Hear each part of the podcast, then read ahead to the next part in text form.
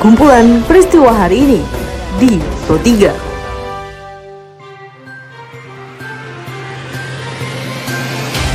Halo pendengar, selamat berjumpa kembali di podcast Pro 3 RRI dengan kumpulan peristiwa yang terjadi pada hari ini.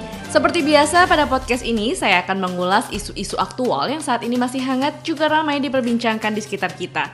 Tentu saja pendengar nanti akan saya hadirkan cuplikan informasi dari reporter kami. Saya Tika Nantia, inilah kumpulan peristiwa Pro 3 di ruang dengar Anda. Pendengar sebelum masuk ke dalam beberapa isu aktual yang akan saya hadirkan sesaat lagi, seperti biasa saya mengundang Anda terlebih dahulu untuk mampir ke laman berita kami di rri.co.id.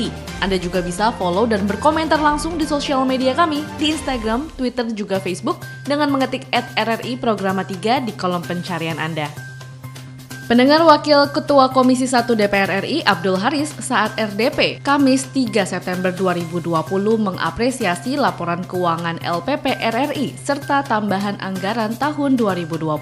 Diliput reporter Rizky Supermana terkait dengan hal ini, Direktur Utama LPP RRI M. Rohanudin menyebut RRI akan mempertahankan predikat WTP diikuti inovasi siarannya. Kami sampaikan terima kasih yang sebesar-besarnya atas apresiasi yang disampaikan oleh Bapak-Bapak sekalian. Ini adalah spirit bagi Radio Republik Indonesia untuk bertahan menjadi WTP dan meningkatkan kejujuran. Ide bagaimana korelasi RRI dengan eksistensi modernisasi. Selanjutnya merupakan kabar dari pemerintah pusat yang kabarnya optimis masih dapat mendatangkan investor asing ke Indonesia dengan nilai investasi besar. Menteri Koordinator Bidang Kemaritiman dan Investasi Luhut Binsar Panjaitan menjelaskan, dengan kondisi perekonomian Indonesia yang masih dalam kondisi baik, maka tentunya Indonesia masih menjadi incaran investor untuk berinvestasi. Market kita kan besar, 270 juta ya. Yang kedua dilihat selama lima tahun lebih sekarang ini Indonesia itu seksi banget untuk tempat investasi karena semua relatif mudah. Ya, dilihat kepemimpinannya juga presidennya, oh nggak apa nggak ada bisnis bisnisnya di pemerintah itu juga mereka lihat juga. Kan mereka juga punya mata-mata atau orang yang memberikan laporan kemudian mengelola budgetnya dengan efisien. Saya kan dilihat juga. Jadi dilihat juga apa yang dihasilkan selama lima tahun ini kan tidak bisa kita nipu-nipu bohong-bohong.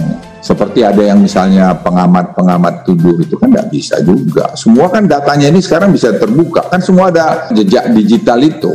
Gimana kita mau bohong? Informasi selanjutnya pendengar dilaporkan reporter Khairul Umam dari Komisi Pemberantasan Korupsi KPK yang kembali menyita lahan kebun sawit.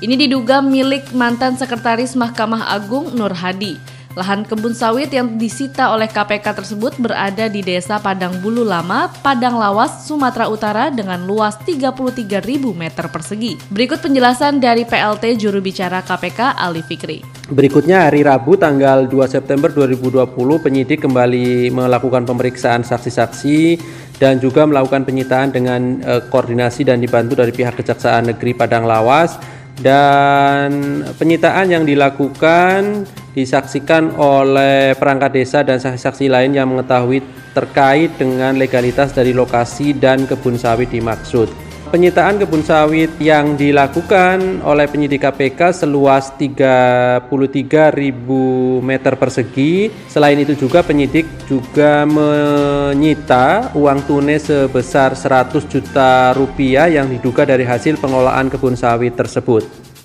Pendengar kita menuju kabar dari Denpasar, di mana saat ini kedisiplinan untuk menerapkan protokol kesehatan menjadi kunci utama dalam menekan angka kematian akibat terpapar COVID-19.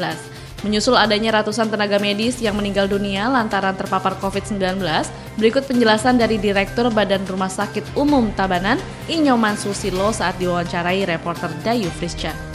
Kalau di rumah sakit sudah sudah bagus sekali mereka. APD lengkap. Kan itu ya prosedur pelayanan lengkap fasilitas pelayanan untuk mengamankan sudah lengkap ya. Mohon berhati-hati ketika beraktivitas di luar. Jadi saran kami satu hindari aktivitas yang memang tidak sangat penting sekali. Karena pekerjaan kita sudah berisiko. Beralih ke informasi olahraga di mana dilaporkan reporter Joko Saputra, PT Liga Indonesia Baru atau LIB selaku operator resmi kompetisi Liga Indonesia mengutamakan faktor kebersihan untuk seluruh stadion yang dijadikan tuan rumah dalam pertandingan babak penyisihan kompetisi Liga 2 Indonesia demi mencegah penyebaran COVID-19. Berikut pernyataan selengkapnya dari tim verifikasi PT LIB, Somat. Tapi ada satu hal karena kondisi pandemi ini uh, 19 COVID-19 ini jadi protokol kesehatan yang lebih diutamakan. Kebersihan sangat eh, dominan untuk apa pelaksanaan prioritas utama. Terus teman-teman media pun harus mendukung itu supaya menggemborkan bahwa apa yang nanti uh, di apa namanya diselenggarakan atau teman-teman dari PSMS tingkat extraordinary apa namanya competition seperti apa. Jadi selalu kebersihan, kebersihan, kebersihan yang saya selalu fokuskan itu supaya tidak ada menjadi sebuah apa, alasan. Oh ini karena karena nggak bersih pemain saya jadi nggak entah jadi apa bakteri atau yang kita nggak tahu keberadaan seperti apa. Posisi seperti itu, Pak. Baiklah pendengar informasi tadi sekaligus mengakhiri perjumpaan kita pada podcast edisi hari ini. Dengarkan terus podcast edisi hari ini dan juga hari lainnya di Spotify dengan hanya mengetik Pro 3 RRI di kolom pencarian Anda. Pendengar tetaplah menjaga jarak, ikuti protokol kesehatan dengan baik, dan teruslah mengikuti berita terupdate di Pro 3 RRI. Saya Tika Nantia beserta dengan tim editor podcast kami Karisma Rizky undur diri. Sampai jumpa. Kumpulan peristiwa hari ini di Pro 3.